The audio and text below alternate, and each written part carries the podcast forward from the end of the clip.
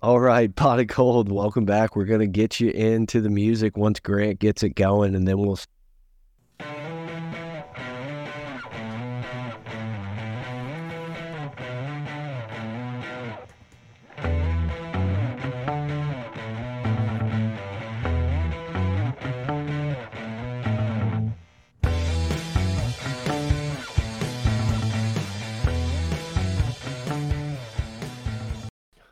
the boys are off the leash. A little intro into the intro, and welcome to Pot of Gold. I'm Brett. I'm here with at Gold Mike, uh, Mr. Mike, and then Grant, the intern, the best producer in all of podcasting for LSU sports. He got the award uh, last week. last Congrats, week. Grant. Yeah, appreciate it. Yep, it was a nice little ceremony. Uh, And look, look where it gets us. Look where it gets us. Um, hit us up We, on. we have an ad read today. I don't know if I need to have one pulled up.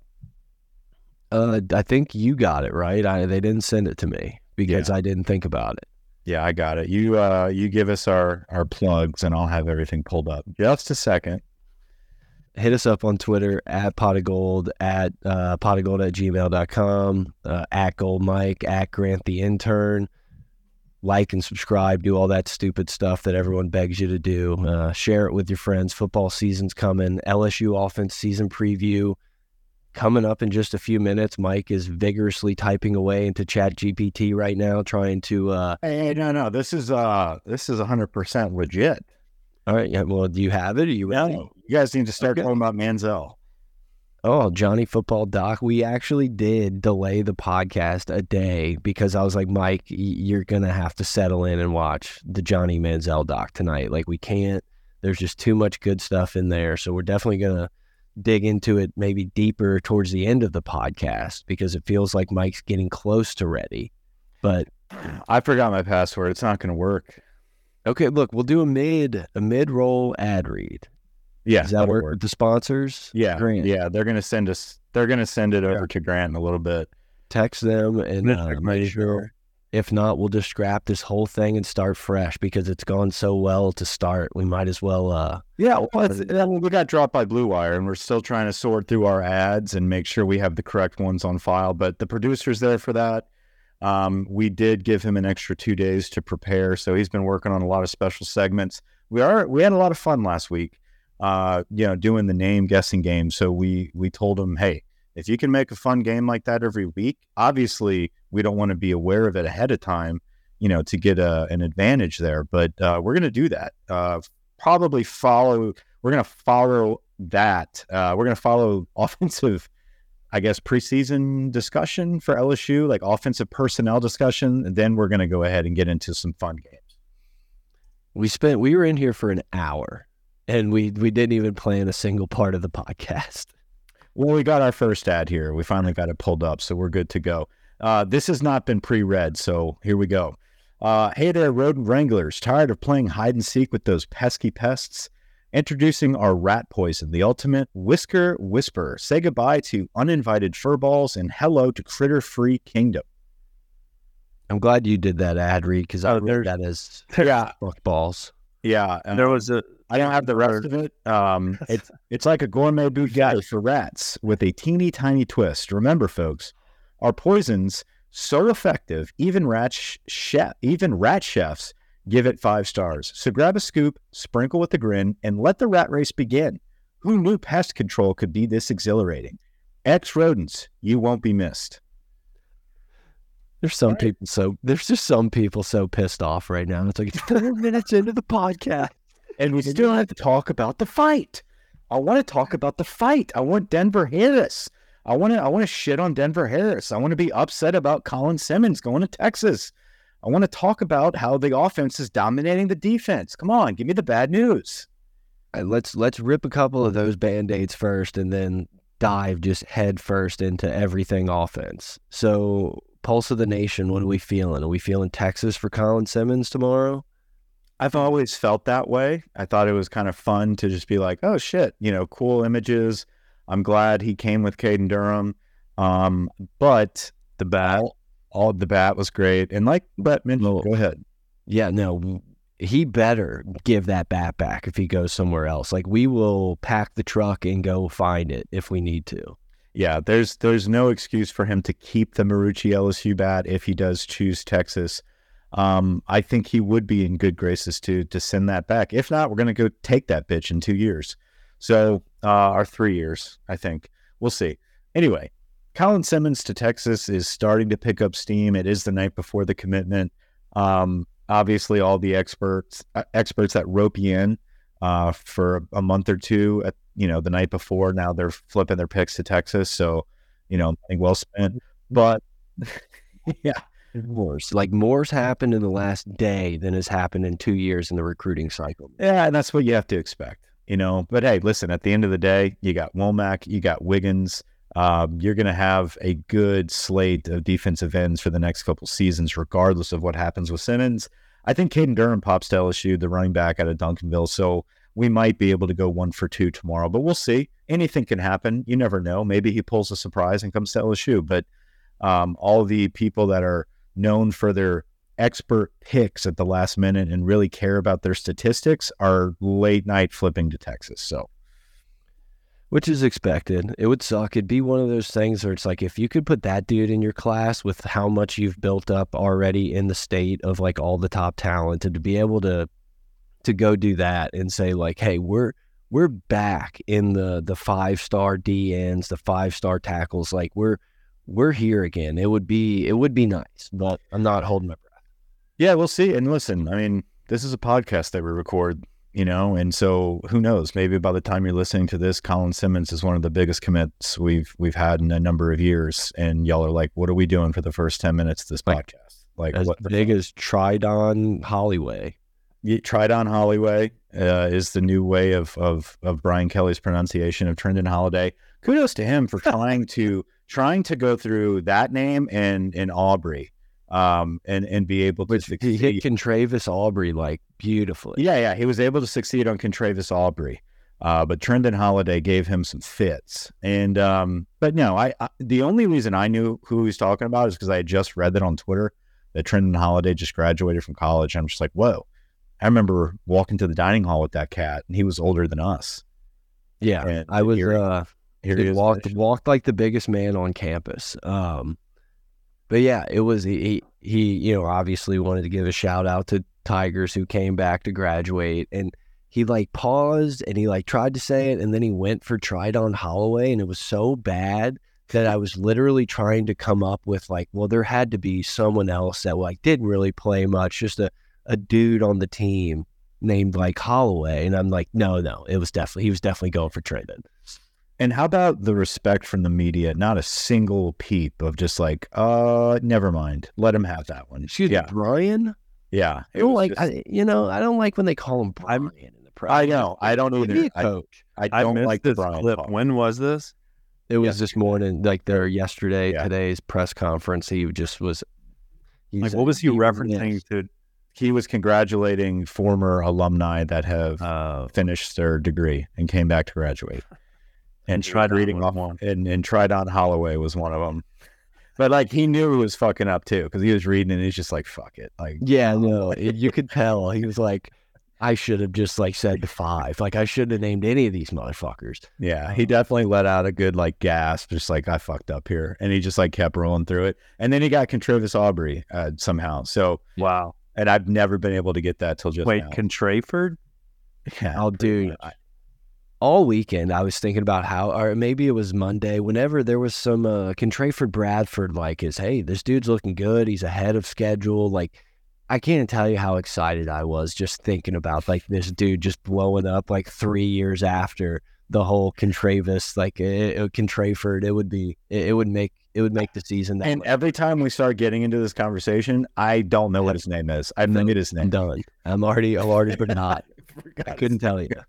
Um, speaking of media relations with coaches, how about Mike Norvell?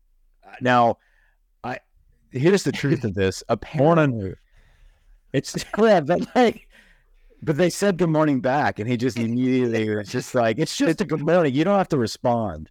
It's such a funny fucking clip of him trotting like showboating and just the utter mm. disgrace. It it it felt like it felt like it was one of those things where like every morning this kid films his neighbor running by his house and does something stupid and it annoys him every time and we just finally caught one. Like it just the the quickness that he snapped like there's no way there's no way that this was a first time incident. No. No, no. And it, it really reminded me of back when I was nursing and I was getting into the operating room for the first time and trying to like communicate with the physicians, like in the heat of the moment. You finally feel like you're on a on good footing and they hit you with like one of those fucking just like, you don't need to respond to everything. Or Yeah. you don't, you know, it's like, you have to ah. check after everything Yeah. not a kitchen not yes chef just give me the scalpel See, I, I, I heard it as like the person took too long to say good morning back to him. So Yeah. he's like I said good morning. no, He it's just just, like, you let don't me say good morning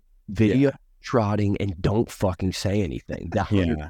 yeah. We don't need to have a conversation just because I say good morning. Now, I did read many of the replies, and a lot of it was like, okay, obviously, all you people don't follow Florida State media. Of, of course, I don't. Um, but apparently, this is like an ongoing sarcastic joke between him and the media. Like he just fucking picks. see i don't want to know I don't want to know. I know, and that kind of ruined it. It's like, damn, I thought he was nervous about it. We're gonna have to edit that out.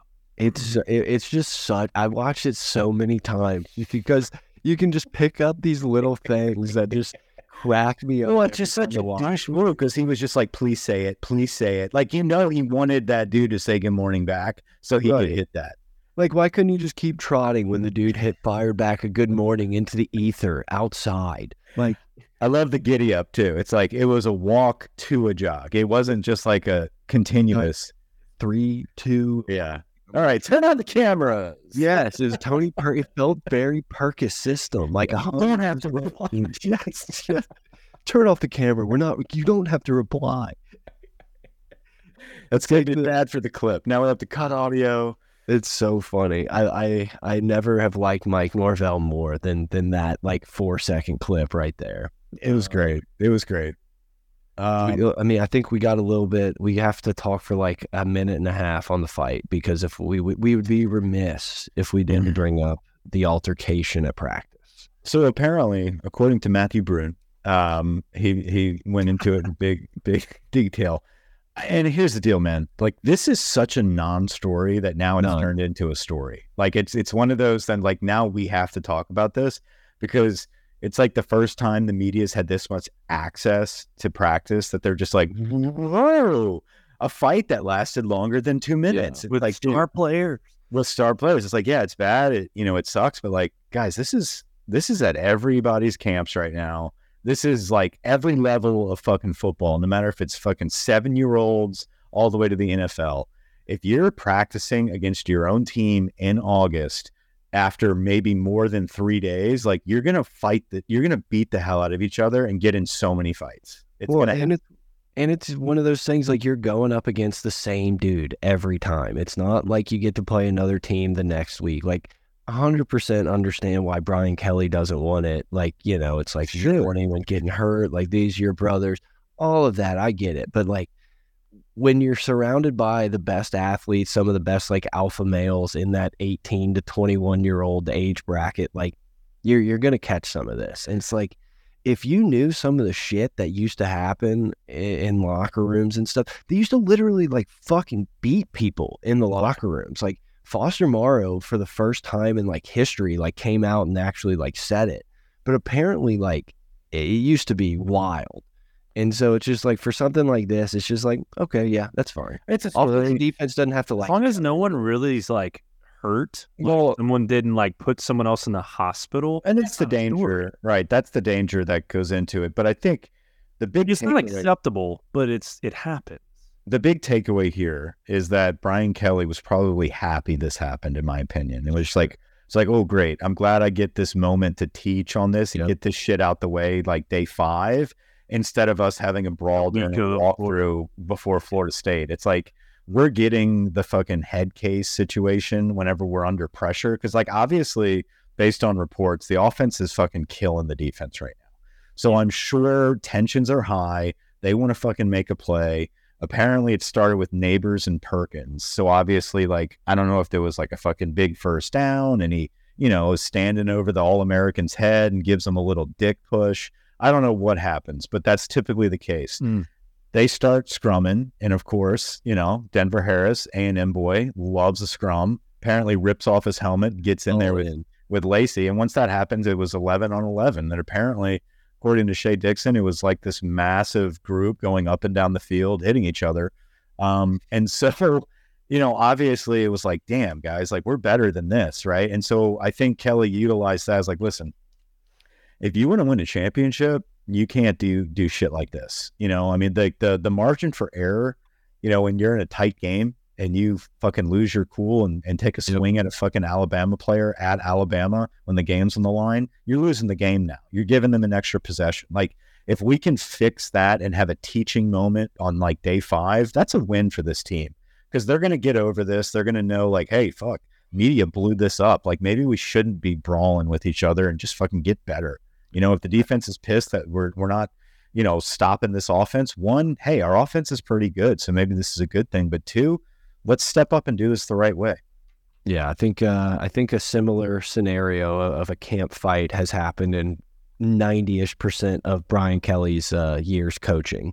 Well, I also wondered though, like, do you think he was like right when it started? He was like, "Yes, okay, good, good, we got some fire." Oh shit! Like Yeah. this is different than the Notre Dame fights. Oh shit! Yes, yes. I'm sure that's probably why it went on so long. It was probably just like, all right, let him go, let him go. Actually, All right, they actually, tucker themselves out. Yeah. And then he's probably like, Flint, Did you you know, did, did y'all see what this thread on this website the guy started? What he said? And he said repeat that.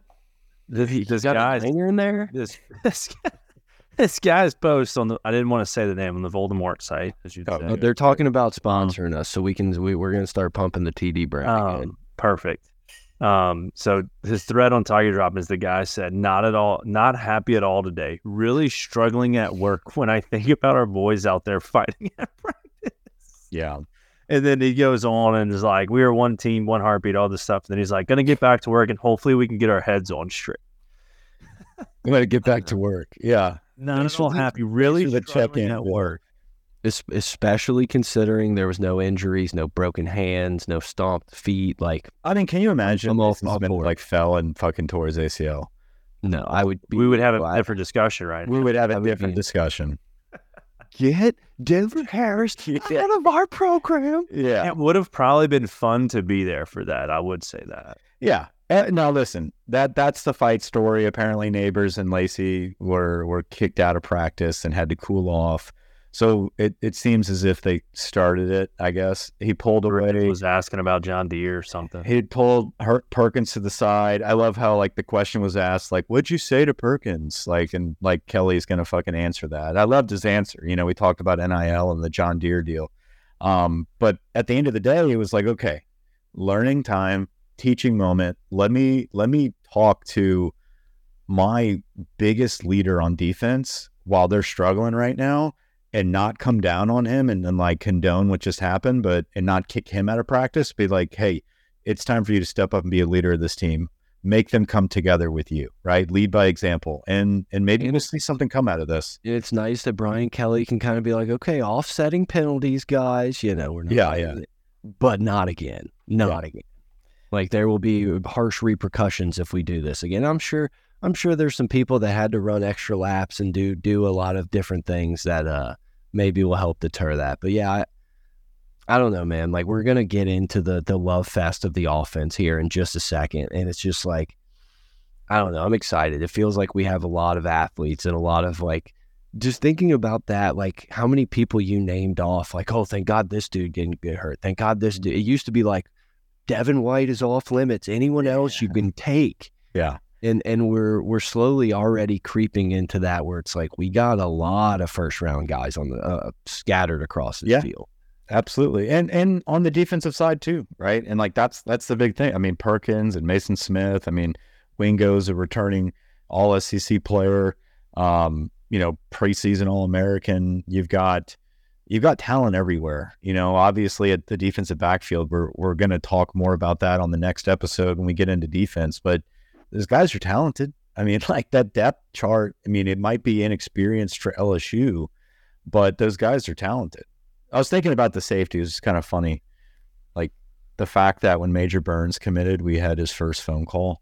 Like, I literally thought about that earlier today. I was watching, I, it may have been Hunt Palmer, it may have been Moscona doing a defensive thing, and they mentioned Major Burns as like a key contributor. I was like, how far we've come when we were in the garage talking with this dude as he's picking up his brother from camp. yeah, and then he goes to Georgia, and we feel like it was all for nothing. And here we are, like five years later, and he's our starting safety on what could be a national championship team. It's just under Brian Kelly. Yeah. What a what a weird Got a uh, neck brace. Well, yeah, what a weird run. Um, is that it? Do we need to tidy anything else up, or can we talk? I think it's time. Be the most prolific offense in LSU history. Yeah, I think it's time to dig into the offense. So we're going to split up the segments. Offense today, defense is going to be next week at some point. Um, all, by all accounts, uh, the offense has been absolutely taking it to the defense, and not just wide receivers versus DBs on one-on-one drills. We're talking about offensive line bullying what is supposed to be the best defensive tackle tandem in the nation returning. Um, You know, and just to just to preface that, I think this is the second time in our lifetimes that this early in camp, all we can hear about is how the offense is way ahead. It's always been, well, guys, the defense is, you know, they know what they're. It, it's always like this excuse of why the defense is ahead in these like first couple weeks. And I mean, obviously there is some cause for concern a little bit on the defensive side, but like it's it's really nice to know that it's like, hey man, like if our offense looks really good against this defense, we're gonna look good against most people. Exactly. Um, I, I think Moscona made this point as well, where he was talking about, you know, when you first see this and you hear these reports about how dominant the offensive line is right now, you know, your immediate instinct is, oh, wow, or our, our defense sucks. But we already have the tangible evidence to know that they don't, right? These are like, Yeah. these are very good defensive linemen um, that our offensive line right now is just straight up beating. And um, it's too deep worth, it's like depth worth of dominance as well. Like Zalance Heard is bullying people. Like, eh, by all accounts, again, everybody has reported Bordelon is developing. Martinez has been getting a lot of love. Mason Lunford, Lunsford. Um, I mean, you've got a you've got probably like nine guys that you're comfortable with, maybe even ten on the offensive line. That if anyone goes down, like you're going to be okay. Um, again, we have not had this type of conversation probably since we were like 16 years old. Yep. Talking about like Herman Johnson and Lyle Hitt, like Black. Ciron Black. I mean, like there was a period where like we had five guys that were all Alvin Johnson, very solid. Yeah. Bill. Blackwell. Herman Johnson. And then Big Baby. And then Yeah. after, but after that, The biggest baby ever born, also in if you, Louisiana. if you think about it, if you're reminded. Um, but after that, it was just like the occasional like stud tackle or guard, stud tackle or guard. Like it, it Or- wasn't ever just like five across the board of just like solid animals. Or yeah, or the highly rated recruit that blew up in the uh, you know some All American game, and then he comes in. It's like dude doesn't doesn't find the field. Yeah, exactly. So now we have guys that are proven. And I mean, having bookends with, uh, you know, Campbell and Emery Jones, Will Campbell and Emery Jones are just absolutely program changers for what they were able to do their freshman year to hold And the down- crazy thing is, is that one of them's about to have to move positions probably. Possibly so. But I mean, that dude, Emery Jones, is so versatile. You could put him at defensive tackle and he'd start. Like he is so athletic for being a big man. Um, he's gonna be on the field at some in some form or fashion. The issue with the tackle position, it's not really an issue, but Heard, you just you're not going to be able to keep him off of the off the starting five. I just don't see how that's possible. Um, and I I don't anticipate that happens like by week one, but by mid season, by week three or four, like he's going to be rotating in enough where he's going to have he's going to be a pancake machine. Like we're going to run the ball effectively when Heard gets his chances with that second team or whatever you, whatever the case may be, and they're not going to be able to not run off the edge with Lance Heard. They're not going to be able to sack the quarterback on, on Heard. He's going to have to get some time with the ones.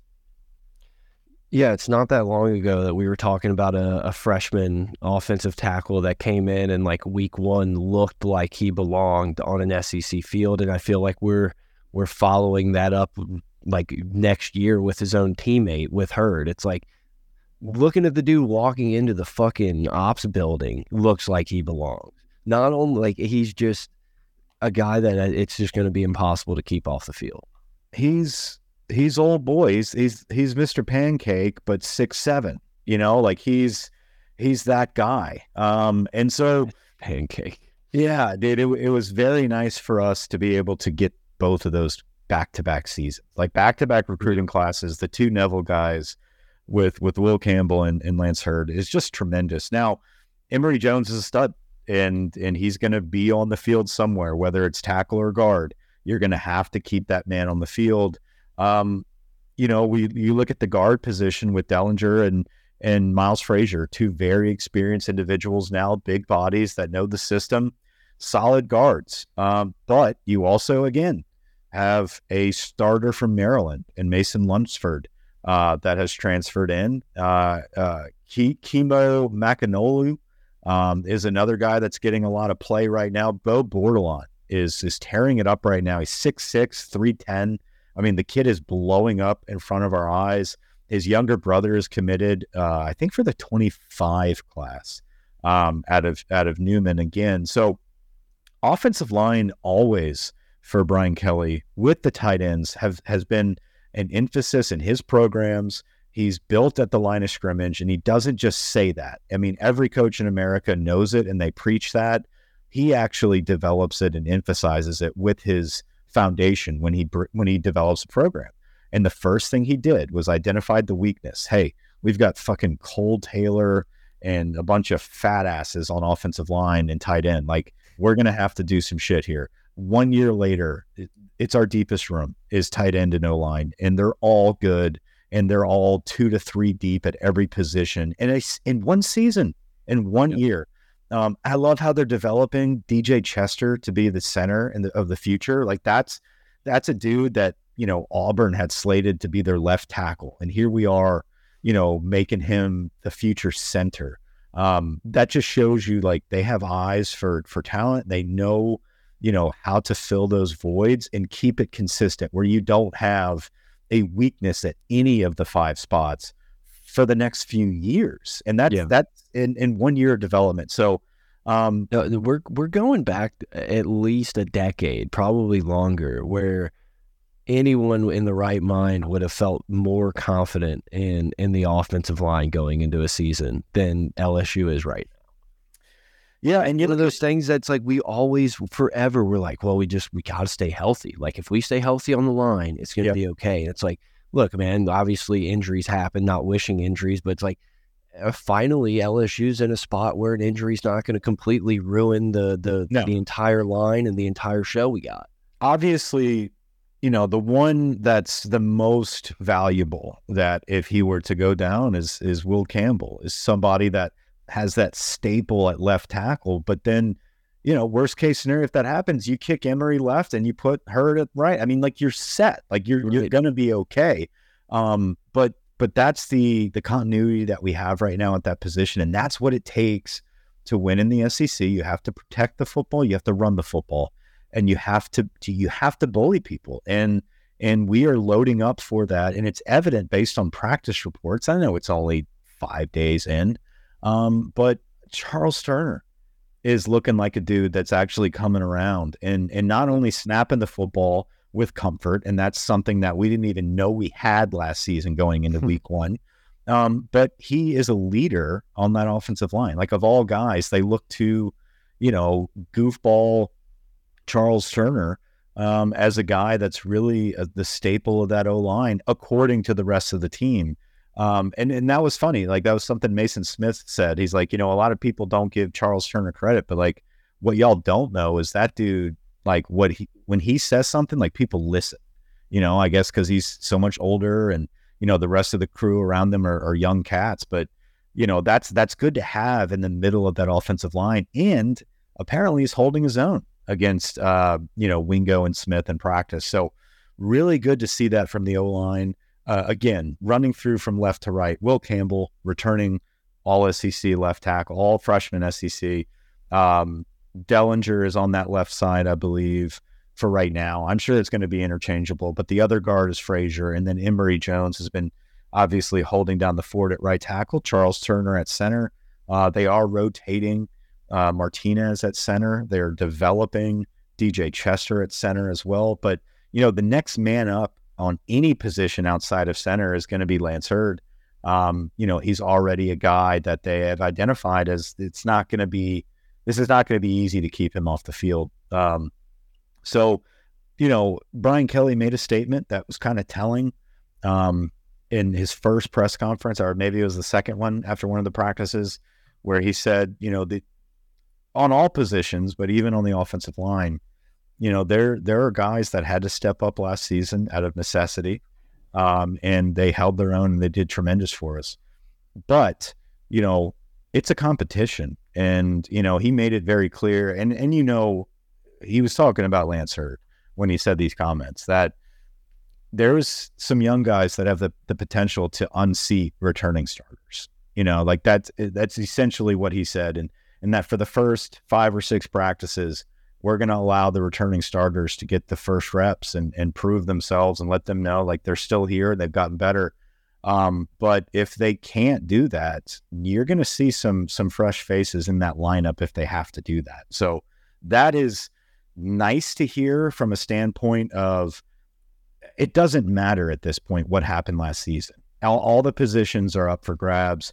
Eh, we can go into job security at some point in this conversation because I think they're, you know, obviously Emery Jones and, and Will Campbell, they're going to have a spot.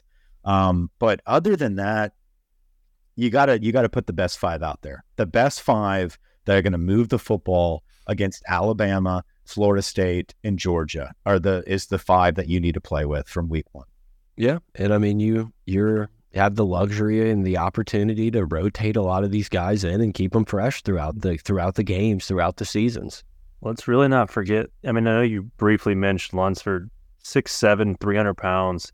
He mm-hmm. played one thousand six hundred and seventy snaps in his four years at Maryland.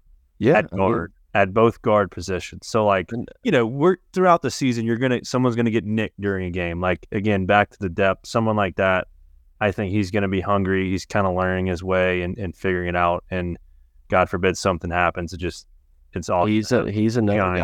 of people like that another guy that's getting great reviews coming out of camp, like not specific to him, but it, it, gives me a little pause, a little worry that it feels like everyone, every transfer is like far exceeding expectations. And, you know, the linebacker is going to be the next Devin White best linebacker we've ever had. And it's just like, uh, it, it does worry me a little bit that we're like, everyone's incredible. Yeah. You know, and that's what happens when you have a team like this coming back and expectations are high. And so obviously everything is kind of highlighted. Um, and and we'll see. I, but I do think that's the strongest part of our team is our offensive line. And that's that's a really, really comforting thing to say going into a football season. Because if all else fails, you know you can move the football and and you can protect the quarterback. I, I don't know if this is where we want to go, but I mean yeah, we got 17 fucking running backs. Like, it, hopefully, one of them can figure out how to run behind that line. Like, you have to, you have to assume at least one guy is going to be able to get it done back there. Yeah, and uh, you know, let's let's talk tight ends first, and let's transition into running backs because it's a lot easier um, to to discover or to to call who's going to be on the field at tight end. So. Um, obviously, Mason Taylor is the staple of this room. Um, he is going to be a guy we see at least for the next two seasons be the number one tight end. Um, but we added plenty of depth. Um, and apparently, this is the most polished outside of the offensive line, the most polished unit um, on the field, offense and defense aside, according to the people that have been watching practice when it comes to the the incoming freshman. Uh, and Mac Markway, he's been running uh, with the twos. He's kind of been that guy for the first five or six practices. Has been the the freshman tight end uh, out of Missouri, 6'4", 250, solid as a rock, but but also is very athletic and can catch the football. Essentially, he's he's just like Mason Taylor. Like those those two are very similar. He might be a little stronger when it comes to blocking. Uh, although I think Mason Taylor, I'm sure, has has turned a corner there, and he's just an all around dude. So Markway is definitely a guy that's getting a lot of play. Um, Pimpton, you know, 6'6", 240, apparently has been mossing people on the sideline and, and Pimpton ain't easy. Pimpton, Pimpton ain't easy to cover Mhm. at all. You're going to see him in the game contributing at some point this season, and that's out of the out of the mouth of Mason Taylor. I mean, this is a guy that says, you know, we're, he's going to be able to help us this year at some point. Um, he he feels to me, and obviously not putting the the Harold Perkins, you know, ascension to greatness on this dude, but he feels like a guy to me that's going to get a little bit of the Harold Perkins treatment, where it's like we got some special packages that this dude's going to be able to play in some spots, maybe throw him some fades, and he's just going to kind of gradually kind of get more opportunities. But it's like right now, it's like yeah, we got a couple sets for this dude because he's such a matchup problem. Yeah, so those are like your three playmakers at tight end. You know, the three guys that you could see uh, really, you know, Pimpton and Taylor when it comes to great catching ability. Markway is also involved in that. When you get below that, you look at strictly blocking tight ends, and and that's when you you brought in a Connor Gilbreth or Gilbreth, um, the guy out of University Prep High School out in California from Butte College. Is that what is that? Bud College. Booty. Um, this is a 6'5, 270 pound inline blocking tight end, somebody that you need depth there with. We didn't have that convenience last year. I mean, I think we had We had know, Nick Storz, didn't we had a pitcher. Yeah. Yeah, I mean, seriously, like let's let's travel back in time two years. Like, no disrespect, but we're sitting here with like Jack Mashburn, Cole Taylor, and, and the baseball dude Nick Storz. To like fast forward eleven months, thirteen months, whatever. I don't even know the number, and to like look at w- where we have now is it's just like the offensive line. It's like kind of unbelievable that you could turn it over that quickly. Yeah. he? And was then actually a tackle, I think, out of high school. Uh, looking him up. Gilbreth. Yeah, Yeah, I mean, and that makes sense, but but that is diversity in the tight end room. Like you have both. You have your pass catching, dominant, like wide receiver type guy with Pimpton and and McGowan, right? So like the they're those are two guys in their own class, where it's like a Mike Evans style tight end. You've got you've got obviously Mason Taylor, who's your starter, who's all around blocking in pass catching kind of like a poor man's Brock Bowers, I guess you could say. You know, I mean, like just to be clear, Brock Bowers is probably the top five best overall player in the nation of any position. So like that's that's high regard of comparisons there. But that's what Taylor brings to the game. It's just an all around great tight end. Markway is is a great addition as a similar type, and then you've got an inline blocker with Gilbride. So depth and talent and many different styles of the game here at tight end. So very excited to see that. Very excited to see you know the development of um, uh, Mason Taylor in general. I mean, like we we don't forget this, but like we have all of this talent coming in in this freshman class, and and then the transfer. Taylor's a sophomore. I mean, like this guy is still going to be here for some time, and like we're going to see him get better. Where we've only seen the beginning of Mason Taylor's development as a tight end. I think we're going to use him a lot, but I don't know, man. Like there's so much talent on this field. Like you can only get the ball to one guy, and I think that's a decent transition into what we have. The problem that we're going to have to to figure out with running back. Well, and just yeah, to the end tight end, it also we talked about it a little bit last week, but it's exciting too knowing that Mike Denbrock is a kind of a tight end involved offensive play caller. Yeah, exactly. It's very tight end oriented. It's it's it's run game driven that sets up the passing game. But if you have a quarterback like Jayden Daniels who can do both within that offense, I mean, it just opens it opens the doors for a lot of opportunity. Sign sign me up to have Notre Dame's tight end run of the last decade. I got a uh, direct message here in the chat from Kyle uh, Messeling. Mike, you going to be in Austin for the Florida State game? Uh, Oh yeah, brother. Probably, probably. I don't anticipate making a last minute trip out, so I, I will be. I'll be hanging around the the hot city. Hopefully, there's no grass fires my direction anytime soon. What about puddles of water with girls? Uh, Barton Springs, a lot of lot of nudes, a lot of nudes. I was very surprised by that. I had no idea that Barton Springs pool allowed titties, and um, it was it was certainly a surprise. Certainly a surprise. Oh, let's go to that. Pleasantly surprised. You like walked around the perimeter seeing if there was pool rules. Well, you know, there was like seventy five lifeguards there, just like blowing whistles left and right. Yeah, I bet. You backflip. I bet. Imagine rocks. getting paid to sit in the sun and look at titties all day. Yeah, I mean, you can't do backflips off the rocks or the diving board, but hell, man, you can walk around with a set of D's. That's for sure. Um, yeah, I think it's. Uh, I think running backs is the perfect place to go here because this. I, I don't. I don't know. It has to be. It's the biggest question mark on the team. There's a ton of options, a ton of returning with uh with Williams and, and Emery, but I don't know. I don't know what we're going to see at the running backs. We have eight scholarship running backs. And they're all they're all worthy of carries. They're all in the same like. And that's within that's the thing, man. Is like none of them, and and maybe we're wrong. Maybe we we just don't know yet. And and you know, middle of the season, we're just like, God, do y'all remember when like we we had no idea that like Logan Diggs was going to be the fucking dog? You know, like Yeah. we just don't know. We don't know what we're going to get out of this crew, but they're all basically equal, with the exception, obviously, of the two freshmen who are just inexperienced with game time. I think everybody else has really good, you know, game experience. Um, I guess aside from Tre Bradford, he really hasn't gotten settled into a program long enough to have carries in real games. But uh, you know, you've got really.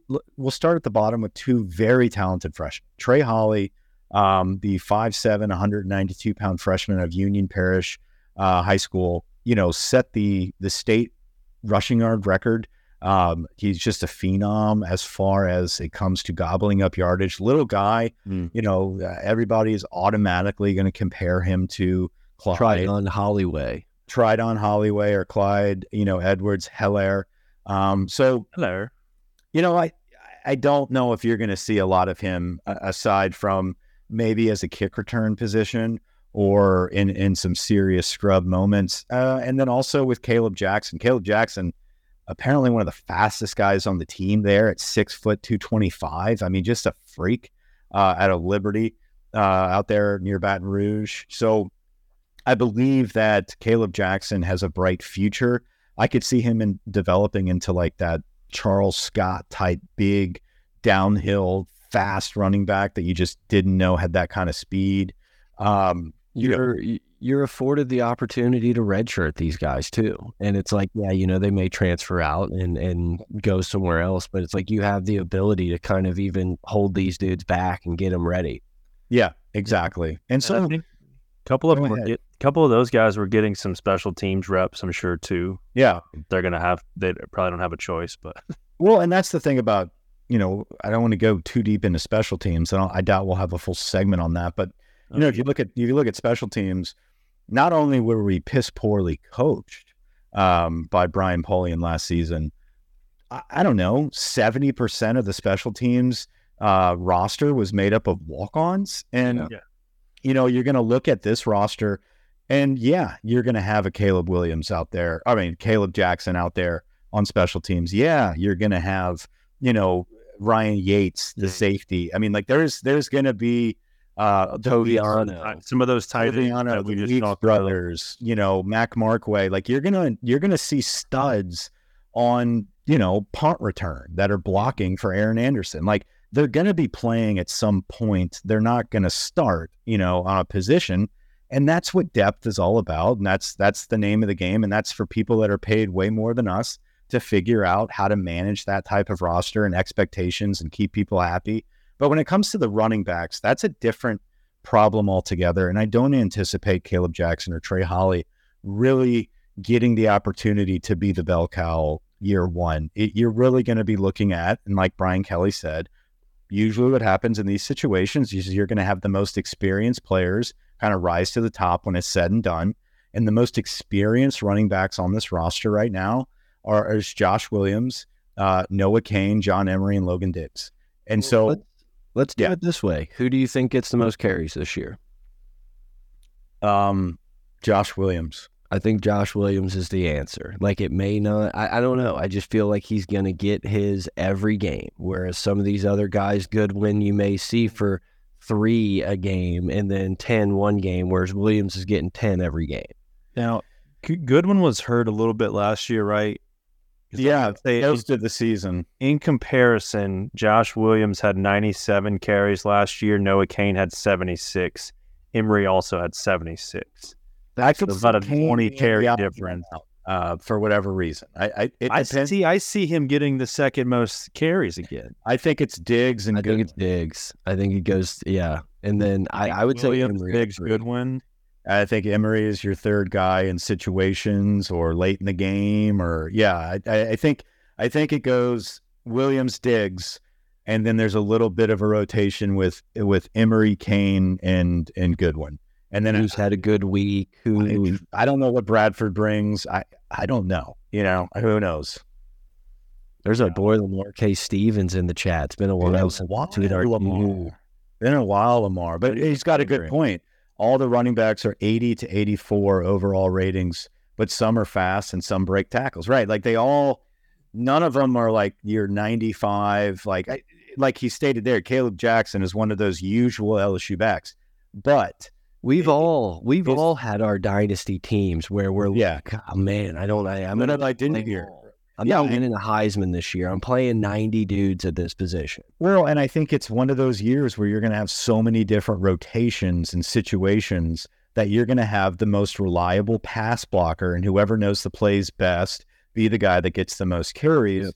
Obviously, unless you get a guy like Tre Bradford or Armoni Goodwin or John Emery, where every time they touch the ball, it's an exciting burst and you can't keep them off the field, right? And like that's that's going to change if they can do that. No one so far in practice has done that because they've just rotated so much. So there's really not a lot of answers there. Now, Caleb Jackson, right? You you redshirt him and Trey Holly, and you can get Caden Durham in next season. Like that's when you've got some five star like talent, those four, you know, 95 rated players that you might have a bell cow, right? But this year, with the top heavy seniors and juniors that are all kind of the same level, I, it's going to be tough to, to figure out. But I think, you know, what we just said, we're kind of on to it where I can see it being Josh Williams and, and Diggs being the Mr. Reliables.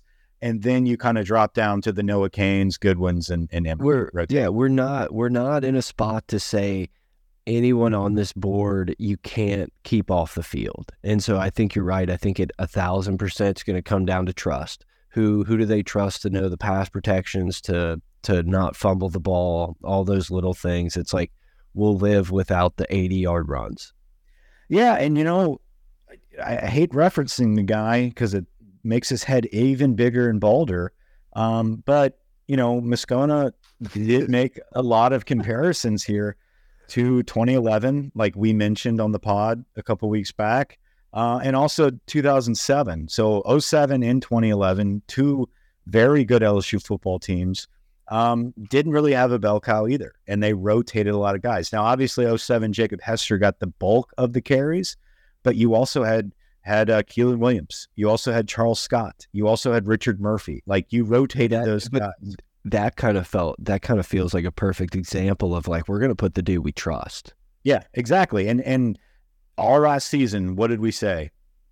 You know, Josh Godwin really reminded me of Jacob Hester. Like he reminds me of a guy that is just downhill. He finds the holes, he finds space. He's not going to be that flashy runner that breaks it for 100 yards off the line of scrimmage, but he is going to get you a first down. He's going to get the tough yardage. Like that's what Jacob Hester did. And he was reliable and he's trustworthy. Josh Williams is the same type of back.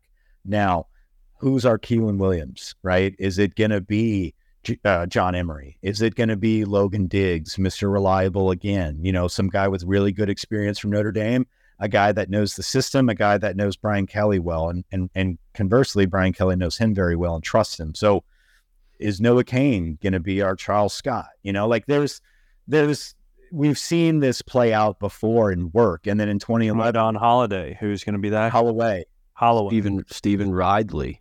Yeah. And then you've got 2011 where you had the rotation with Spencer Ware uh, and Michael Ford, who was backed up then by Alfred Bu- Blue. And then eventually Kenny Hilliard came on the scene. So, you know, that's another rotation of four backs that all were remembered during a SEC championship run. So it can absolutely work. And then we're not even taking into account that the guy with the most touches running the football is probably your quarterback. Yeah. Yeah, that's what I was going to say. Uh, so what was it? 80 something was was the 97 is what Josh Williams had, and Jayden Daniels last year had 186. Now, you know, how many of those were scrambles compared to design runs, but still. And look, this is a good problem to have. What I what I don't like about it is I love Frank Wilson and I think he's a hell of a recruiter. But I remember there being times where I'm just like, dude, I don't know if Frank's got like a rhythm for these this lineup right now. Like there it just mm-hmm. it felt as if like sometimes there was no rhyme or reason for putting different backs in at certain times and they never got to catch a rhythm. It was just like, you know, they'd get a couple, uh, they'd get a series here, and the minute like you felt as if, hey, they're going to break one next series, it was a different rotation, and there was never that rhythm. That's what I last last year. There'd be third and sevens, and you're like, okay, Josh Williams is in it. They're both throwing the ball, and then he carries the pile for ten yards against. But nothing I love more than a third and ten run, the Chip Kelly Uh, special. I'm What I was good gonna special freshman year. I'm sitting here chuckling, looking mem- down memory lane of the 2011 uh, stats and rushing stats, and you see guys like Ja'Cory Gore yeah, yeah. Yeah. and then Russell Shepard uh, and Terrance Magee. So like there was a ton of like, you know, running guys on that. So Very- my question was going to be: Do we have anyone that rushes for more than ninety three or whatever Williams carries were last year? Right, 97. I think a running back will have a hundred carries. I don't. I, don't think it, either. I think it's going to be way more distributed this season because, like, I, I don't think you have anyone that's so much better. I think they're all they're all in like the same category as like good. Nobody's great, and no one truly sucks. Like, there's no one on that list of running backs. And I'm just like, that dude's never touching the football. I can't. I can't point one of those guys out because even Tre Bradford looks like a freak. Have you seen how big he got? Like, obviously he's here for a reason and, and he's putting in a lot of work. So they're all talented and, and none of them I can point at and say, you know, it's just not going to work out. The only ex, you know, exception to that is if, you know, Goodwin is not truly back from injury, but everybody that reports from camp says he's he's a full go and he's full steam ahead. So we'll see. Uh, Lamar in the chat, Les Miles would like this offense wear the other teams out and bury them in the second half. It's like, Yeah. I hope so. I'm just not sold on the fact that we're going to like be this like run first, like power run team. That's all. No. We can talk about it after we get done about, you know, where the offense is going and everything. But I don't know. It's just weird. Like, I feel like we're still the spread, like mm-hmm. Jayden Daniels. I, I don't know. I'm, Well, we're, we're going to be very well. And then Brian Kelly also talked about mixing up Aaron Anderson in the backfield, you know, and that, Yeah. that just tells you like, okay, so you have eight running backs and you're already proactively thinking that one of your receivers is going to take reps in the backfield. So, like, you're obviously not going into the season thinking like this is a downhill running football team. Like, this is going to be a very multiple team that's going to utilize their playmakers however they need to. So, if if the running back position does not produce a a playmaker, right? Like someone that hey, we have to get the ball in this kid's hands no matter what. Like we don't have a Fournette, we don't have a guys, you know, like that's if we can get one of those guys to become that, sure, you'll see someone get you know over hundred carries and rush for you know a thousand yards, whatever. But I don't anticipate that with this crew right now. Next year, probably with with Nussmeier at quarterback and and you know the the seniors leaving and having more talent and a condensed roster at running back, sure. Not this season. quarterbacks or wide receivers? Where are we going? I think we can go receivers. I think you know we can end on quarterbacks as it's the pretty straight battle, biggest battle. I leave it to the end. Yeah. So receivers, you know, from every report that we've we've heard, have been dominant uh, so far in practice, and not only with their one on ones, but their blocking, um, their route running ability when it comes to full on 11 on 11.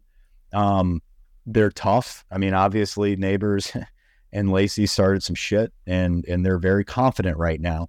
Um, but that that also makes me feel like okay, Jayden Daniels is getting the football to these guys. Like we are making plays on our defense and we're pushing the ball right now and we're spreading it out. Uh, according to reports, uh, Brian Thomas was sidelined for a couple days with some hamstring, hamstring soreness. So it gave the opportunity for Chris Hilton to take some first team reps. Uh, apparently, he is is stacked right now at at six foot one eighty is is what it says. He came into LSU, I believe, a beanpole, probably in the 160 range, if if I had to guess. Um, just a true track running athlete, but has bulked up and he looks great. But by all means, he's one of those dudes that if you tell me he's on the field a ton and catches a ton of balls, I'd be like, yeah, that makes sense. And then also, if you told me he's like, yeah, he's got talent, but he just can't really find his way onto the field except for garbage time, I'd be like, yeah, that makes sense. Makes sense. Yeah, very deep. Actually very deep at the receiver position. Um, Brian Thomas, typo, he's 190. 190, yes, six foot 190. I mean, yeah, he's he's definitely bulked up, and he's he's he can fly, right? He's a he's like a big, um, God, I was just about to say his name and I forgot it. The kid that transferred to Nebraska, the the Palmer. He's like a very Gilbert. yeah, Gilbert is in Nebraska. That that is true. Uh, but Trey Palmer, a guy that was just track speed, that had kind of shaky hands. That's what I see with like Chris Hilton, but apparently he's turned the corner with size and he's probably got better hands than Palmer. Hasn't uh didn't hadn't Hilton like dropped a few passes when he has had opportunities like yes. last like I feel like I remember him doing. I mean, but he, I, but he had a great spring. He had a really good spring where he kind of he caught a lot of big good balls, and you know we'll see. But with that being said, eh, Brian Thomas has that position locked down. Like sure. Brian Thomas, you know, as long as he's healthy, is going to be a freak there. Someone that we've seen starting since he was a freshman. And in a blink of an eye, he's a junior, 6'4, 205 out of Walker. Um, coming up in high school, he was regarded as one of the best players in the nation as a sophomore. Um, you know, had some shaky Walker teams and he flirted with Bama a little bit. It was down to Bama and LSU, and the kid comes in as a freshman, makes some plays. Obviously, last year as a sophomore, um, he did the exact same thing as his freshman year. Um, I think you could see him breaking out. And if we're going to ask the question of who do you think has the most touchdowns, I think Brian Thomas is somebody that's in that category and would be a sneaky pick for the most touchdowns. I think he's going to be an end zone weapon. Um, if if you see him take a step from sophomore to junior year and progress, I think it's his reliability in the red zone, and he's going to be one of those those those threats that can take the deep, can get the deep ball, but can also work the back pylon and really maul some dudes. Yeah, I mean he he feels like a, a guy that's going to be more of a household name in the SEC, like for sure. Um, yeah, I could see him, you know, taking one of those second, third team all SEC wide receivers, like having that good of a year, especially when teams have to be looking to stop Malik Nabers and you know, it, X and Y are locked up. Like you got Nabers and Brian Thomas, and then it's kind of a, a coin flip. I feel like, especially week one, you know, seniority. Kyren Lacy's been getting a lot of those, but you mentioned them a few minutes a few minutes ago. It's like if you asked me if you made me put money on it, I would say Aaron Anderson is that dude. Well, yeah, and so like you mentioned, you've got a guy similar to Aaron Anderson that's locked it down, and that's Malik Nabers. And and Brian Kelly made it very clear, you know, in, in some of his press conferences, they were asked, you know, are you going to do things differently with him? Are you going to feature him like y'all did in the bowl game? And, and his answer was very clear. You know, when you're in the bowl game, you have less pressure, especially when you're playing in, you know, he even made a joke about it, the freaking Cheez It Bowl, whatever we mm-hmm. played in. Um, and you can do whatever you want and kind of throw everything out there. We're not going to do that as far as having him throw the football. Um, but he did say you're going to see an evolution in his game, and he's going to be a featured player for LSU. So Malik Nabers is by all means the securest spot on the wide receiver crew, um, followed by Brian Thomas, who is a freak of nature and is in a class of his own when it comes to that position ability. But a featured playmaker you have in in Malik Nabers. So then, well, and and Nabers has also been your number one for two years. We just had to act like Boutte was like the the first round draft pick still. Right. And because, and, and that's a great point, Boutte was the last of that three year span or whatever it may be, you know, that that span of following the national championship with Ed, where it was all about, oh God, what five star do we have? And we can just hang our hat on this kid. Yep. Right. And then like Brian Kelly has slowly tried to change that where like it's not about one freaking player, guys. Like it doesn't matter. If he's not bought in, we're not going to win football games. And we saw that happen. We saw that we didn't give in to that. We didn't allow that type of attitude. And and I'm not saying I'm not I'm not trying to put out there that Boutte individually had a negative attitude. I'm talking about the attitude of, well, I was a five star, and guess what? I could have transferred to Bama, but I decided to stay. It's like everyone bow down. Yeah, you should be thanking me for staying. Type right. Thing, which like not saying he did, but yeah. But it's bigger than that, right? Like it's big. It's bigger than just the Bouttes and the Eli Rickses and like whoever else that we got in that time period that was like the signee of that class. And so we were looking forward to the year where they carry us across the finish line. It's a team effort now. Like it's not just Harold Perkins. It's not just Mason Smith. It's not just Jayden Daniels it's not just Aaron Anderson or Malik Nabers. Like you've got guys everywhere that work as a unit right now. Um, and, and that's a culture change. And I feel like the wide receiver room doesn't need to just have one guy. And we're able to see that with Brian Thomas, with Malik Nabers. Malik Nabers stepping up last year, bailing Jayden Daniels out of a funk, right? Like, hey, after after an awful start to the season for Malik Nabers, fumbling the mm-hmm. football on, on punt return multiple times, uh, dropping passes, you know, like, and then eventually it's like, no, we believe in this kid, and and yeah. he's gonna he's gonna come through, and he did. I mean, I, I, I forgot what game it was. It may have been the Florida game, or you know, one one of the games we were all. Might been Bama. Like the game's on the line, and and we're going for it on fourth down or you know third and long, and and there's Malik Nabers making a beautiful catch, you know, contested catches uh, for a little guy, sure handed. Um, against Purdue, putting him in the backfield, you know, running reverses and, and taking it for 50 yards, you know, wiggling through the entire defense. Like this is going to be a featured receiver for our offense. Now, you add in Aaron Anderson, who is the same type of player, but maybe even shiftier, right? Like yeah. a guy that's stockier, shiftier, that has great hands, that will be your punt returner, that has experience in it. Like literally was a five star because of how productive he was as a return man um, and, and well, a jack of all trades. I know he like obviously went to Bama, but like, God, does he look like with Bama, the wide receivers that Bama has been snatching up for the last five years? Like the dude just looks like a Jaylen Waddle out there. Like, hey, I'm just gonna make this make this nickel corner absolutely look stupid, and I'm gone. Yeah, and they say that he is one of the hardest workers on the team, and that that that was the most refreshing thing to hear was that Brian Kelly said, you know, and and we'll get into Denver Harris next week, but like all of these big name transfers that came in this offseason, um, and then the freshmen that come in, Brian Kelly makes it no secret. There's no there's no bones about it. Like you're gonna have to prove yourself to play for me. Like there is no I'm I am a five star talent and I I killed it at Karr or you know I I was a you know freshman all mid season all American at A and M like none of that matters if you set foot in this program anymore until you prove it not only in practice on the field but in the weight room with Flint in the classroom with with making sure you go to class on time like there's so much accountability built in to performing for Brian Kelly that the fact that he stated that about Aaron Anderson, that's like, hey, yeah, I started watching him first couple practices and I'm very excited for what I see. But what I loved the most was that how Jake Flint stated, you know, his work ethic is is phenomenal and that he doesn't skip a beat, doesn't skip a rep. Uh, he wants it. He wants to earn it. And so you're going to see him be rewarded for that. And Aaron Anderson is going to take a starting position on this offense. And uh, it's not going to be taking away Brian Thomas or Malik Nabers. So and he's that, not a he's not a one and done guy.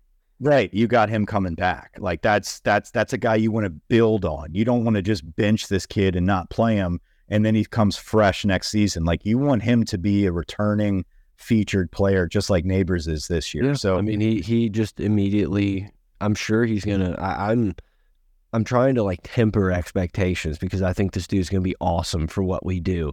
But yeah, I mean, it, it feels like he's just gonna walk right into that Malik Nabers role, like they, you know, next year. And it's like, yep, we got our featured one again. Like, let's put Shelton Sampson next to him. Yeah, and Sampson's a freak, right? And and we're about to get into him when we go down the list. But Kyren Lacy is a guy that's a solid leader. You know, he's that typical receiver that we have on the roster every year, where you're just like, yeah, but the backup's better, right? It's like he's. he's I would love for him to be the guy. Would love for it. He's like I the just- Jerome he's role- Jenkins. Yeah, it's like, but then at the end of the day, like those guys bail you out of big games. Yeah. Is is Kyren Lacy going to be that type of player? Or do we not even need to now venture down that road anymore with this type of roster that we built, right? Where you don't have to, you know, sacrifice a year of development and play a guy like Jenkins instead of Malik Nabers or Brian Thomas or whoever the whoever it might be. And I'm not I'm not dogging on Jaray Jenkins. He played a beautiful role and he he won several football games for us, right? Um, but at the end of the day, I, Kyren Lacy had a lot of drops last year that were in pivotal moments. I mean, you go back and look at the A and M game. He's hungry, and he goes in for games prior to that, and you're like, maybe we have something here, and then you give him an opportunity, and he drops a couple easy first downs that really could have changed the game. If his hands can shore up, you know, obviously we saw it in the spring game, but uh, so did you know. uh, I mean, the spring game is is something that we've seen stars break through in the spring game, and you never hear of them again. Um, it, it could have been the Richard Murphy treatment for all we know, but his hands did look pretty damn good with some one handed snags, and he's pretty fast. It's just tough Pretty to big. think. He's a pretty big kid. He's actually the biggest receiver we have weight wise. he's a good blocker, right? Like he's somebody that I feel like is is tough. Like he's a he's a and he was in the fight. He was in the scrum with Denver Harris and Malik Nabers. So He's like like perfect locker room guy. Like he is, he's a, a leader in that wide receivers room. He's not gonna, you know, he's gonna tell it like it is, type of thing. Like, yeah, I, I love having him. yeah, and so that's the thing is how how good is he to keep uh you know Aaron Anderson sidelined? How good is he to keep a a freshman stud like Shelton Sampson from from you know earning his stripes and developing? So uh, he- we'll see. he's also that dude who could end up being like everyone's favorite player because he's a special teams, like a, just a problem.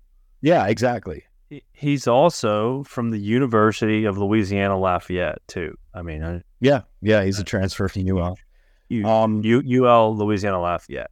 but eh, listen, he's he's another one of those guys that came in and bailed us out last season, right? Like we had a lot of dudes that we didn't expect to come in last year that like helped us. But Question. Look at it. Yeah. we've turned the corner and as a program where I feel like some of those guys may not be like do we really feel that Greg Clayton is going to be our punt returner all season? No. But he bailed us out. Like he was a a godsend last year, Yeah. right? Uh, uh, It was necessary. I don't know if Kyren Lacy, if it's fair to like group him in that type of category because like he probably is better than that Yeah. but he, he just off on paper, off the cuff, like he's that first guy that you look at. It's just like, man, this is stacked across the board. But Kyren Lacy's still in the lineup. Yeah. How, yeah. How is he going to hold on for dear life for the for this position for sure? But he, yeah, yeah. I think they'll. I think it's. I think it's going to be game plan. Like Aaron Anderson is going to be game plan. There's going to be specific plays more than that. Like he's not going to have a thousand yard season, but all purpose yards, he's going to Yeah. do some damage. There'll be you know? packages for Anderson. Obviously, he's going to be the punt returner from everything that we've heard so far. Is And and how much of the offense are these guys going to be able to pick up too? exactly, and that's the thing is is who's going to know the offense the best? Obviously, Lacy knows it the best right now out of that that number three wide receiver position that we that we're going to have on the field. But with that being said, like I said with running backs, if you've got a guy that you can't keep off the field, like if every time we get a punt return and Aaron Anderson is just like a, a, a step away from taking it to the house, and then you hit him on a slant, he's doing the same thing, like by week three or four, we're going to be game planning for whoever and be like, you know what, guys, like it, it's it's time to put Aaron in the in the eleven, right? Yeah, I mean, look, man, I just if you made me tell you today, I would say I think Kyren Lacy's role on this team is identical to what it was last year. Yeah, exactly. So if I'm wrong, I'd love for him to be a stud. If you look yeah. at him statistically, he has been Mr. Consistent. He's had 300 yards receiving in each year of college. So after that, uh, according to the reports, they've they've kept it based on seniority pretty much when it comes to the rotation behind them. Landon Ibieta, the Mandeville White Knight, has has been getting some touches there and looking fine. Like I said, Chris Hilton's been running with the ones because of um, you know uh, Brian Thomas having a little bit of a hamstring soreness. Uh, Shelton Sampson, you know the the true freshman coming in. There's a there's a slew of true Let's freshmen. up to three freshmen. Let's go. There's a handful of, of, of true freshmen who, in my opinion, out of all of them, according to practice reports, the most physically ready right now is Kyle Parker. Uh, Kyle Parker is back there uh, with Aaron Anderson returning punts. So, like, very similar stature, very similar skill set, a very, very strong um, SEC physically ready guy, but short, right? Like, he's, he's stocky but he's got hands like glue. He's running sick routes. Very much Malik Nabers, Aaron Anderson, Kyle Parker, like they're they're their own little kind of type of type of engine that could, I guess you could say. But then you've got guys like Shelton Sampson, 6'4, 190, you know, Your Brian Ruben Thomas. Randall type. Reuben Randle, Brandon LaFell, like that, like stars in the making at that Y position that that's going to be really solid. That you're going to see get some catches, but next season, their sophomore year, redshirt freshman year, alongside Aaron Anderson and Kyle Parker, like that's Garrett Nussmeier. that's going to be fun to watch, and you're gonna you're gonna have to develop those kids, and then you've got the speedster Jalen Brown, who obviously you know they put out some videos of his his catches where you know they were stating you know you thought this was just a track kid, and he's tie rope in the sideline making making some over the head catches, um, and then Khai Prean, who is another one of those bootlegger boys, seven on seven demon, somebody that's coming in out of uh, St. James, you know, and I know I've said this a million times over the years on the podcast. If you have a kid from the river, if you have a St. James kid, if you have an East St. John kid, if you have a Lutcher kid, like it West doesn't, In West St. John, it does not matter North St. John. what their record is or what their status is on the on three rankings. That kid is going to make plays for you at some point in his career, and you're going to be like, "Damn, Khai Prean's a dude." Um, it's going to happen. Now, is it going to happen this year? Just don't give him, just give him one of the scholarships, and eventually it's going to work out. it will work out. So um, obviously we missed on on I think it was either his teammate or maybe he was at East St. John was uh, Shazz Preston the Mhm. year before, who was the top receiver in the state with Kendrick Law, with Aaron Anderson, that all went to Bama. Um, so reports at a Bama camp are not too pretty, by the way. I've Not been- anymore. I've not going to Bama anymore. I've been sneaking over to the to their side of the talk, and uh, they're not happy in Tuscaloosa right now with practice.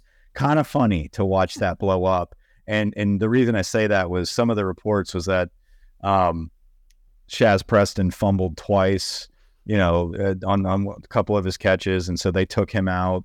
Um, they they're not able to complete passes. They're throwing ducks. They're hitting the ground. It, it's not fun, but it's it's funny to see like the only guy so far from that wide receiver crew that bailed on Louisiana is Kendrick Law, who was a North Louisiana kid that was an athlete that was not really slated to be the dude. Uh, good for him, whatever. But we got a guy in Aaron Anderson, and we've got some serious depth, um, and we're building, and we're we're only getting started here. Yeah, I mean, dude, this is just an embarrassing collection of talent. Like three, four, five of these dudes are gonna be good enough. You know, it's like we'll we'll figure it out. Um. So yeah, uh, I I think those are your your top four guys, right? The only the only name left off this list that I couldn't fit it was Javin Nicholas from Saint uh, Saint Augustine. Oh well, we have to talk about Javin Nicholas. And bring him up. What's his two four seven profile? No, that's the one he we got him like as like a preferred walk on last year, and he ended up playing as a freshman last year in certain situations. Yeah, very similar to Greg Clayton, right? Like Yeah. a guy that Yeah, yeah, but he's a freshman. Clayton's yes, Clayton's on his way out. This guy's on his way in. But yes, the same Right, role like- of like a guy that could be a sure-handed guy whatever. Right. We have guys on this roster that want to be here, that have busted their ass, that have found a spot and are sure handed and they make plays. Now, that helped us last year. Moving forward, you know, it's like those guys are good locker room guys. Those guys are good depth guys, good sideline guys, good backup special teams guys. You know, like, hey, fuck, Aaron fumbled twice. Like, Purdue. let's go ahead and throw Clayton back out there or Nichols back out there because guess what? They can't do anything else, but they're going to fair catch and they're going to make the catch. And if we ever get to that point, we have those type of I'll do whatever it takes to be on this team type of guys, and that's great to have. Um, so yeah, the wide receiver room looks great, and they're performing at a high level during practice right now. And the reason they're performing at a high level is not only their ability, but obviously the quarterbacks are putting the ball in a good position for this team uh, and for the offense to to to work the defense so far. Um, and obviously that's led by Jayden Daniels. Uh, so the quarterback long. there's there's a two-headed monster there. Uh, it, it, we have to be able to say that we are comfortable, and I love J- I, I love Nussmeier for this. The fact that you can go anywhere else and play right now, and you knew that coming back meant I'm sitting behind Jayden Daniels, and I'm going to be the guy for this next crop of development on this team. And he he is bought into that, and he loves it, and he knew, you know what, I'm I'm I'm better than old boy, right? I'm I'm better. Um, I've already forgot his name. Ole Miss. Uh, Walker Howard. I'm better than Walker Howard. You know, I'm I am going to win this job. I'm staying put. Um, and and he stuck it out, and he is very good. We saw how talented Nussmeier is. Um, I'm not afraid at all if Jayden goes down. If we're going to be in good hands, right? Do I think it eliminates a very, very potent aspect of our offense if Jayden leaves? Yes, absolutely. Jayden Daniels is your number one, and I want him to remain your number one. There's no question there. But the comfort level of having Garrett Nussmeier on this roster and his development and his leadership and his attitude, like it is the perfect backup quarterback that you could have for this type of run that we could potentially be on this season. And it it creates more opportunities for Jayden to let it loose, like play free and know that guess what? Worst case scenario, if you have to sit out half a game, like the the the, the show's going to go on, and you're going to get your spot. It's going to be fine, but like the the whole weight of the world is not on your shoulders, Jayden Daniels.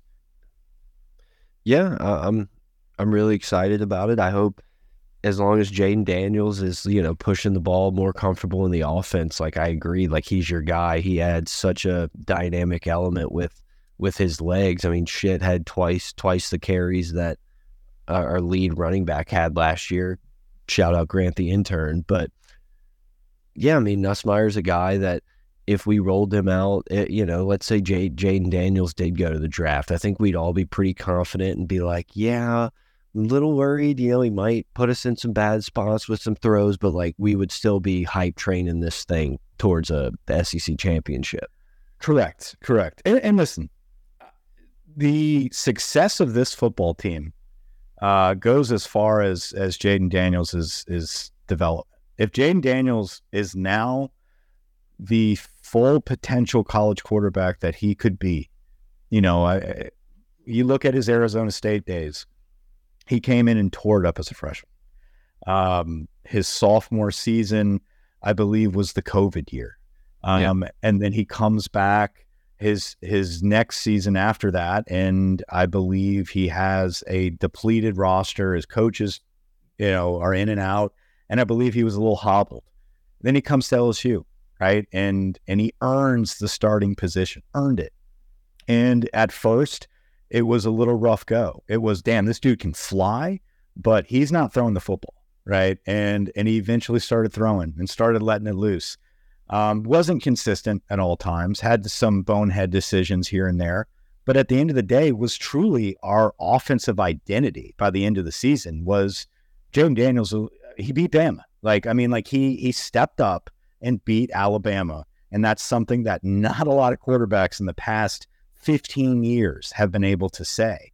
So the fact that he was able to do that and make plays like he did against that team was phenomenal. It was a, it was a, a program changing game led by Jayden Daniels. Now he had a, a, a, shitty game against Arkansas and a shitty game against A and M. He was hobbled, um, and but guess what? He came out against Georgia on a bum ankle, couldn't run the football, and we saw what his arm could do, sitting in the pocket and letting it rip, building that confidence. That's com- that's kind of the crazy thing of this whole deal is like you don't need Jayden Daniels to do more. Like less of the offense is going to be put on his shoulders this year. As weird as that sounds, because we're not we're not going to ask him to run for his life out of necessity for the first six weeks of the season, or have to just take off to try to get first downs. Like I, I feel as comfortable at, with Jayden Daniels as I do with our offensive line and our wide receivers. Like these dudes will be able to hold their own against any team they play. You know, just have to. He just has to quarterback. He has to facilitate, not make was, mistakes. There was a there was one point in the immediate off season where the delusional brain starts taking over, and you're just like, yeah, Jayden should go, and we should start fresh with Howard and Nussmeier. Like that is, I I'm in such a 180 take yep. right now. Like days, weeks away from Florida State. Like I'm so happy we have Jayden Daniels starting for us I feel like he has gotten bigger. He's gotten stronger. He's a he's a demon on with his legs, man. Like he's fast as hell, and that's not changing no matter you know if he gains ten pounds or not. Like the dude can fly. Um, if he can step up and connect with these receivers, which you saw him do last year. Uh, love. You saw it. You saw the flashes, and he's worked with them all off season. He's, you know, one of the top five odds in the Heisman race going into the season. Like Jayden Daniels, people are aware of his potential. Can he capitalize on it? If he does, this is a championship football team. Because, like you said, though, Brett, it, it, it's a if it's not about Jayden Daniels. Like if he can progress into throwing the football better and, and improve that passing game, his running game is is going to be on the on with the likes of Lamar Jackson, where like there's not going to be people in the box to stop it. So you're always going to have lanes to go as a worst case scenario. Your worst case scenario, if Jayden Daniels can throw the football, means hey they got him locked up in coverage. Jayden for 25. Like that's that's the game. Oh, you're gonna play man. You're gonna play man with safeties over the top with everyone's back turned. Okay, well that's a first down. Right. Um, yeah, I, I, don't I don't know the exact quote, and I, I don't even really care the, about Jayden Daniels saying he wanted to help, you know, mentor and, and bring along the younger quarterbacks in the program, like whatever. He wants to be here. Like yeah. this dude really wanted to be the LSU quarterback. He wants to be that next dude that followed in Burrow's footsteps and goes to the Heisman and, and brings his team to the playoffs. Like I'm really, I'm really happy we had him. I mean, you and I, eh, we were laying in the intern's bed, getting ready to do a podcast when it came out that that he was returning, and literally we were like, "Yeah, what does that mean for Walker Howard?" Yeah, yeah. And like you said, like sitting here tonight, it's complete opposite. Like I'm so happy that this dude came back. He's going to be the guy running the show this year, and it just like Look, man, I you know I've been riding the Nuss bus. I've been the driver of the Nuss bus. Yeah. Feels like for since Myles Brennan was in diapers. But I, am so happy. I'm very happy that we get to like once again kind of like ease this dude in, and it's almost like it's almost like football programs from from years before, or even like high school. It's like, well, you don't you don't become the starter till you're a senior. Like we have a senior and it's like then it's your show and obviously Nussmeier's going to have an extra year on that but it's like you're going to be so fucking ready to actually like do it it's almost going to be like boring when you get the opportunity well i mean you're looking at a situation where you could have a freaking you know lamar jackson type quarterback win you a championship and then you got two years of stetson bennett that's just going to like come out of nowhere and be like holy shit this dude's really freaking good and he's going to lead this offense with garrett nussmeier back to back years. Like it's crazy. All of that, all of that said, I am not above starting to scream for Nussbus if Daniels doesn't look good. like I just like let's make that known. I don't want anyone clipping like, oh look at the suck fest. You already turned on him. No, no, no. I will turn. Like the second Jayden throws an interception, the stadium is going to be all aboard the Nuss bus again. Unfortunately, that's and the way then Nuss would get in there and fire one right to him. just just like, "Yeah, where's Colin Hurley? just punt it. Yeah, he's just going to be punting the football down the field. I want Finley back. We're very comfortable with our two quarterbacks. Very happy with the depth there. Two very solid SEC experienced quarterbacks. Haven't been able to say that for a very long time. So Well, we, I think, you know, it may have been two weeks ago or so, but we kind of tickled the topic of like, you can also get more aggressive with Jayden Daniels running the ball. Yeah. That Nussmeier is a guy that, like, you know, obviously you're not out there trying to get your guy hurt, but you're also not bubble wrapping him all season. Yeah, we're gonna see we're gonna see Jayden's Jayden's skill set to the highest regard. Yeah. This is his bag year, right? Um, you know, I, I he's he's up for the Heisman. He's a guy that's got a championship team returning to him. Um, he's a leader. He's one of the older guys in the locker room now. It's his final season. There's no ifs, ands, or buts about it. Like this is his year, right? Five stars to the left of me, five stars in front of me. That's right. And he's gonna like he knows now this is not Arizona State. Like I can throw the football and these guys are gonna score touchdowns if there's any grass in front of them. It's not just first downs. Like we're scoring. Um, and he wants to win. He wants to win a national championship. That's what he said. Like, I want to be part of history. I want to win a national championship. And in order for him to do that, he needs to see this offense for what it is and spread it out. And if he needs to keep it and tuck it and run, he's damn good at doing that. And he's going to get his money for that too. So um, I'm excited about it. Um, I, I think it's only going to help us in recruiting as well. You know, your your teams are always only as good as your quarterbacks. And, and Brian Kelly's well aware of that. We have a solid dog in Garrett Nussmeier that's going to be returning for at least another season. Um, so You can you can also sell that as like we have another dude who would be playing in the SEC, but he is so confident in what we're doing in this building that he's willing to not play football again for another year when he's been itching. I mean, shit, what is he? A redshirt sophomore, so it's going to be mostly three seasons of him not playing like football when that's all he's done his entire life. yeah, So, and then you're going to have guys. I mean, we're you got Colin Hurley, you got Rickie Collins, um, but then you're all in for Bryce Underwood, the number one player in the nation out of Michigan, uh, or yeah, out of Michigan up there, and he, he's going to look at this, and he's you know similar skill set to Jayden Daniels when it comes to the dual threat running ability. Am I going to be successful in a Mike Denbrock offense? Yes, it looks like it based on Jayden Daniels. Oh, wait a minute it looks like they can do multiple different styles with their quarterbacks. Look at Garrett Nussmeier. Let me go there and start as a redshirt freshman, right? So, Um, look, we got a bunch of people in the chat. I think we're winding down the uh, the season preview. But if y'all have any questions or topics you want us to pop up, just fire them up in the chat, and we'll uh, go through us a couple. One thing, one thing I was going to say about Jayden Daniels. one thing. One thing I don't know. Um, so like statistically, um, where's this game? line? Oh, So he, so he, last year's season, uh, passing yards, total passing yards was ranked fifth all time. Was ranked fifth all time in passing yards last year for LSU at twenty nine hundred, behind Zach Mettenberger, oh, Mark Rohan Davey, and Joe Burrow. Yeah, I didn't hear a single thing. I was trying to keep the keep the song. I was hearing it. Yeah, and then in, like I, I got so far. I didn't want to get too loud in the mic during the chorus. So but segue is into the over unders of the numbers is where I was going with this. is it game time? We're at an hour and a half into this episode. Is it game time? Oop. Game? No, no, no. I was saying this is the segue into the over unders of the offensive stat. Yeah, we thought that was the game. We can do that. We've got one more ad read before. No, there is no there is no game. Uh, that's the game. The- Attention, all sun seekers and garage gurus. Introducing the Slidell Solar Garage, where your car gets a tan while you save the planet. Say goodbye to the gloomy garage and hello to the hottest parking spot in town. It's so sunny, even your car will need sunscreen. Brett, take it away. Finish that one. That's solar. Drive in, charge up, and watch your ride transform into the ultimate solar cruiser. Slide into savings and shine on Slidell. I don't even know the name. Slidell Solar Garage. Huge fans of the program. Uh, tell them the Moscona special sent you. Hudson Roofing, Hudco. Hudson Roofing. That's in Hudson News. You're, are you in an airport?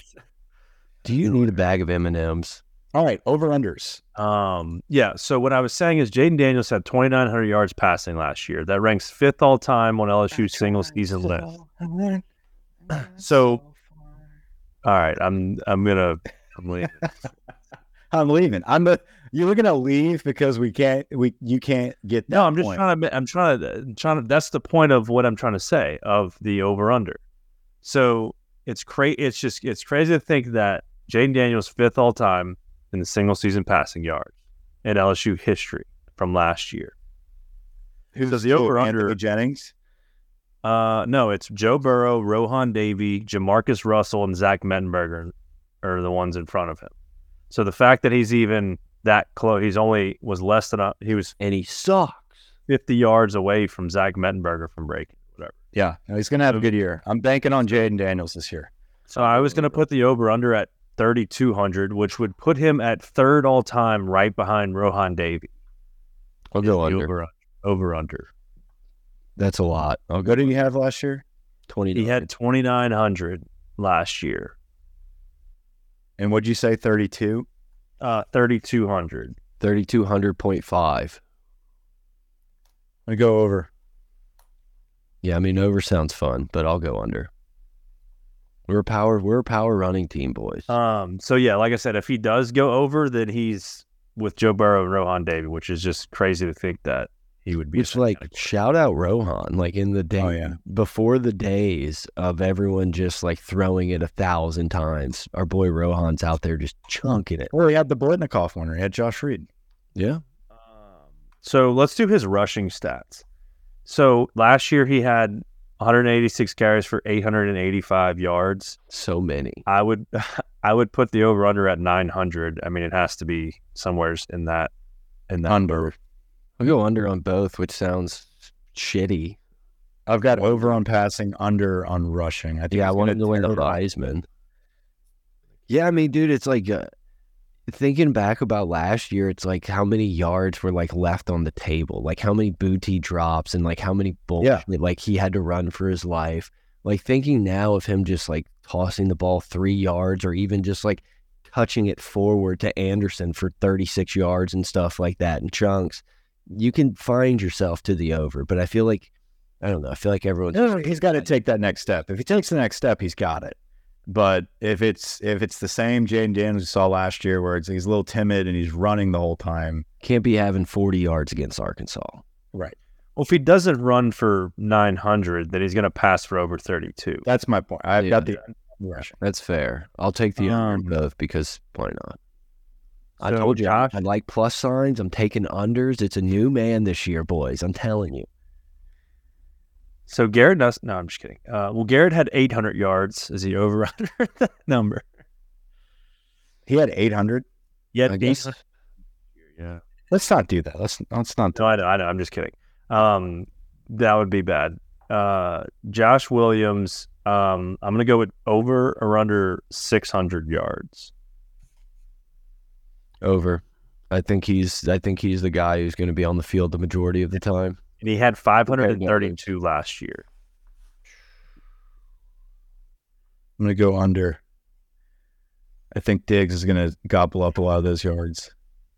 All right. I every time I hate my I hate my I hate my. Don't don't write these down, Grant. Let's it's Diggs.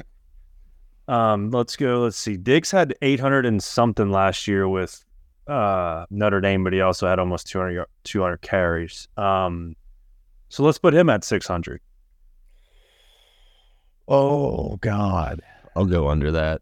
Yeah, I don't think he's gonna have 600. I think he's gonna take a lot from Josh, but it's gonna be kind of even. So under under on Diggs. Let's do. Do we want to do Mason how many running Taylor. backs do we want to do? That's Mason it. Taylor touchdowns. John Emery Oh, that's touchdowns over under Let's three and a do- half. One more running back and touchdowns. So we're gonna do Noah Cain, who had ten rushing touchdowns last year. Um, over under eight touchdowns for Noah Cain. That's a that's a good So- one. There's just so many guys. Like, eh, Noah Cain touchdowns. I'll go with seven. He could sneak in on the goal line. if I think our offense is as good as it's going to be, we're going to be playing the with the twos a lot, and I think Noah Cain's in that second group of rotations, and you could see them getting conservative, running the football. I'm going to go over. Over eight. I like it. Brett under. Under. I- I'm a new man. I'm a changed man. Unders and plus signs. All right, let's go to receivers. So Malik Nabers had a thousand yards receiving last year. Um, I'm going to put it at 1,200. Uh, Over. And, in, in comparison, okay, I like it. Um, single season, uh, where was it at? Receiving yards, single season. If he had 1,200 yards even, that would put him uh, for fifth all time, which is just crazy to think that he would be that high already. Shit, last year he's ranked 10th in the single season record with 1,017. Featured. Yeah, it feels like it feels like he's going to get more opportunities. Like it feels like he didn't even have Both like, over early in the season. 1,200. I, I didn't think he was close to that last year, so that was surprising to me. So that based on those The statistics, three games. yeah, The Purdue, Purdue he- game counted in that. yeah, Give me the under. I'm a changed man. 1,200. the bowl games in that he did go crazy in the bowl game. Bowl games in all of these. statistics. But Uh, but he you had have to what did think he have? maybe LSU's playing Yeah. multiple bowl games. Yeah, very true. I mean, Think about that. yeah, it's true. He had so he had 128 against Georgia and 163 against Purdue. Don't forget, he also had 72 catches. Let's do his catch number too. Uh, we'll get to that in a second. What do y'all want to do? 1200 over under? I get over. Yeah, I mean, Brett? I'm taking the under, barring a a you know national championship, or if we play like Texas Tech in a bowl game. So What'd asterisk asterisk that. yeah, he said, there's caveats to everything. Wait, so you said- he said down. Tex, Texas Tech. Is what under unless we play Texas Tech in a bowl game. What about receptions? We'll put it at 80. He had 72 last year. We'll put it at 80 receptions for your bell cow, your bell horse. It's it's it's it's killing me how much like real estate Anderson has in my head because know, every one of every one of these fucking things, I'm like, well, Anderson's going to take so much of that. Like he's so good, and he's Just like, gonna are we going to get? Are I going to get John Jonathan Giles again? Like, is this going to fucking happen? Because I, I I couldn't have I can't be more hyped on like a single human going into this season. And with Skylar But Green coming Um, over eighty. under. Nice. All right. Let's go to um Oh, let's do I don't know if besides Mason Taylor, are there any other receivers for yardage that we want to look at? No, I mean, what are you going to do? Put I- I to was that 200 Brian yards? Thomas- Brian Thomas touchdowns is what I was going to do next. I like that. He's going to have 10 touchdowns. I was going to put it at nine. Uh, What do you have last year? last year? He had five. You're gonna put it at nine. Yeah. I'll go over. The ball has to go somewhere. So I'll, I'll take like the first offensive over I have done. I think Mason Taylor's touchdown over under is interesting. We'll get to that. Oh, this stuff. Well, you and you said he's the Reds. I think he's yeah. Uh, did we lose Grant? Uh, uh, even though Grant is frozen, you did say, you did say that I know. Thomas was the goblin. Like I you back? gave him a grimace. Yeah, you're back. You gave him like he's he's the hamburger in the Yeah, end zone. over over nine Oh. touchdowns. So y'all over nine and a half. All right. Um, let's do Mason Taylor. And It's- let's do his yards and um touchdowns. So his yards will last year he had 415 yards uh on the season. So let's put it at 500. Under. Yeah, under. If he has 500 Which- yards receiving, that'd be nuts. He had a lot of like big sideline runs after his catches. Like he, He- gobbled up a lot of yards uh, and like single plays. I mean, So he had 88 have, like, against two? Purdue. He had 63 against Georgia, and before that, he didn't have more than 40 in a game. So One? How many touchdowns did he he have? had three. Three. I was gonna put the over under at four. Over. Over. I was going to say, I feel like last year, especially since he didn't, you know, get in, I don't know, we didn't see him featured much. Like, I think he's going to be more of a red zone But then again, you got Pempton and Brian Thomas and Nabers. Like, dude, it is you're gonna have to fight for the balls you get. And we're gonna have a ton of running backs. We're just gonna try to like, or Jayden Daniels just runs it in.